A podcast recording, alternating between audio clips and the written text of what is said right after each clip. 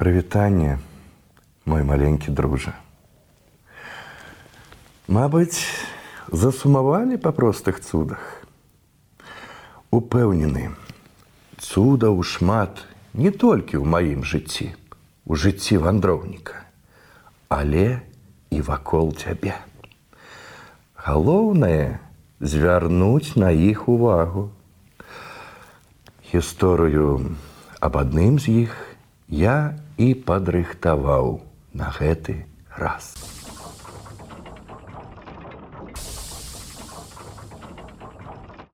Маленькіх брата і сястру звалі амаль аднолькава.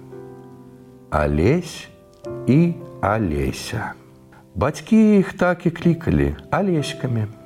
Гэтак і казалі: Алеські яшчэ ў школе. Ці пора клікаць алесек на сняданак.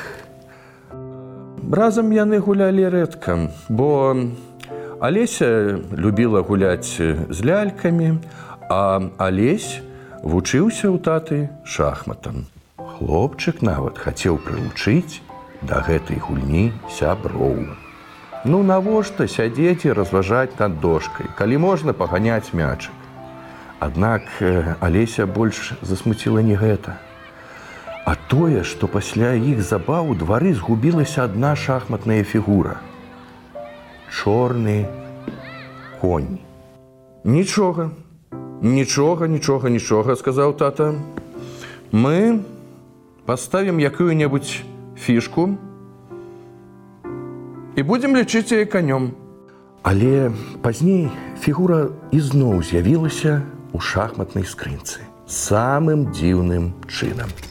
Неяк уначы Алеся прачнулася ад таго, што з гасцёўні даносіліся падазроныя гукі. Алесь цягае цукеркі шафы, падумала дзяўчынка. Вось нястомны ласун. Зараз я ціхутка падкрадуся яго напалохаю. Алеся асцярожна, на дыбачках падышла да дзвярэй і зазірнула у шчыліну. Хлопчыка ў пакоі не было. Затое там сюды туды хадзіла незнаёмая кабета у доўгай чорнай сукенцы, высокім чорным капялюшы і са старамодным чорным парасонам. Яна шукала нешта ў скрынях, под столом, у кошыках з цацкамі. Калі гэта была зладзейка, то выглядала яна надта дзіўна. Дзяўчынка чамусьці не стала клікаць бацькоў, а нягучна вярнулася назад і пабудзіла брата. І вось яны ўжо разам назіралі за незнаёмкай. Ой, да гэта ну, чорная шахматная каралева прышаптала лесь адкуль ты ведаеш? спытала яго сястра. Глядзі глядзі які ў яе пампончык на капелюшы. А на сукенцы доўгая палоска ну нібы расколена як яна магла тут апынуцца што яна шукае у гэтую хвілю Дзверы расчыніліся, і чорная каралева выйшла з пакою. Варта было дзецям толькі зірнуцца на яе, як яны адразу аказаліся у яе парасоне. Парасон быў з дзірачкамі, і алеські маглі бачыць, што адбываецца вакол. Кабета спусцілася ў двор і стала аглядаць там кожную травінку. Нарэшце яна асцярожна выцягнула з пясочніцы маленькую фігурку. Гэта быў чорны шахматны конь. Ну віхар, сказала каралева. Вось ты і знайшоўся. Фігурка выскочыла з яе рук і ператварылася у сапраўднага варанога коня. Яго збруя зіхацела срэбрам, а ў грыву былі ўплеценыя крыштальныя званочки. Несумненна, ён быў годны каралевскай асобы. Кабета ўскочыла на коня і памчалася прэч. Брат і сястра праз дзіркі ў парасоне ўбачылі, што яны апынуліся у невядомым свеце, дзе зямля складаецца з чорных і белых квадрацікаў. Ну патып шахматная дошка. Неўзабаве яны пад'ехалі да палаца з каменю смалянога колеру. Браму ахоўвалі два афіцэры у чорных мундзірах. Пры тым цені, якія яны адкідвалі, былі падобныя на сланоў. Насустрач каралеве выйшаў сівы кароль, таксама апрануты ва ўсё чорнае, з маленькай залатой каронай на галаве.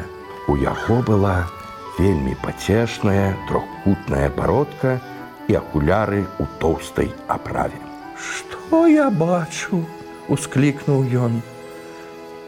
Няўжо ты здолела знайсці віхра?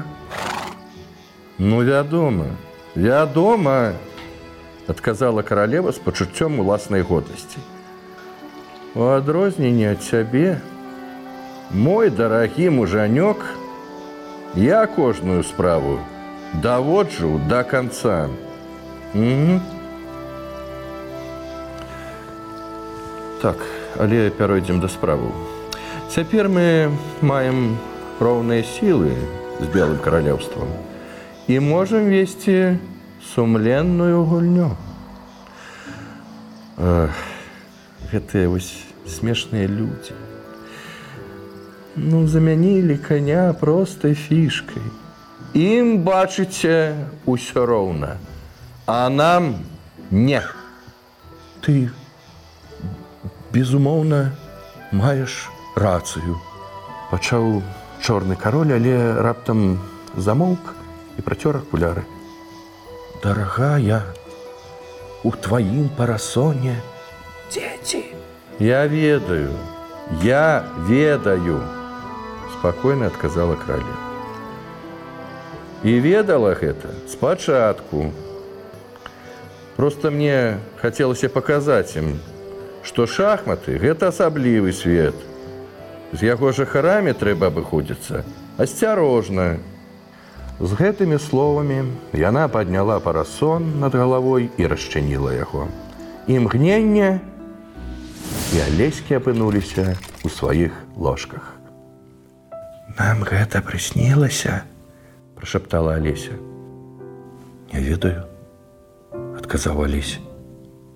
Але, але але але мы можемм праверыць яны дасталі з шафы скрыньку з шахматамі і адкрылі яе маленькі драўляны віхар ляжаў там а побач з ім яго каралева якое шчасце хто знайшоў шахматнага коня раніцой спытаў тата.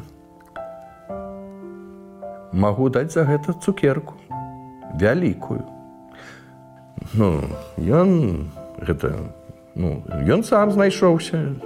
Так так что цукеркі усе цукеркі можна падзяліць на ўсіх сказаў алесь і падмірхнуў сястры. А дзяўчынка усміхнулася ў адказ таму што цяпер у іх была агульная таямніца. У маленькіх рэчах часам хаваецца вялікі свет. Да новых сустрэч, мой дарагі маленькі дружа.